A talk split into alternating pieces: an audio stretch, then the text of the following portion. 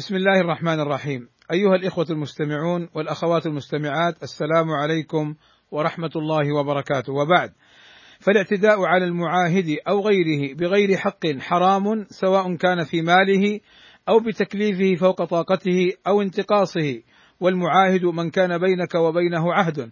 وأكثر ما يطلق في الحديث على أهل الذمة وقد يطلق على غيرهم من الكفار إذا صولحوا على ترك الحرب مدة ما. قال رسول الله صلى الله عليه وسلم ألا من ظلم معاهدا أو انتقصه أو كلفه فوق طاقته أو أخذ منه شيئا بغير طيب نفس فأنا حجيجه يوم القيامة. وقوله صلى الله عليه وسلم أو انتقصه أي نقص حقه.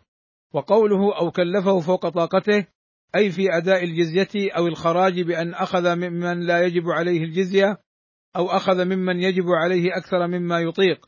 قوله فأنا حجيجه. أي خصمه ومحاجه ومغالبه بإظهار الحجج عليه. فتأمل هذا الحديث الذي أفاد أن من ظلم معاهدا في ماله أو غيره فالرسول صلى الله عليه وسلم خصم هذا الظالم ولو كان مسلما فما أكمله من دين وما أعدله من رسول صلى الله عليه وسلم والسلام عليكم ورحمة الله وبركاته.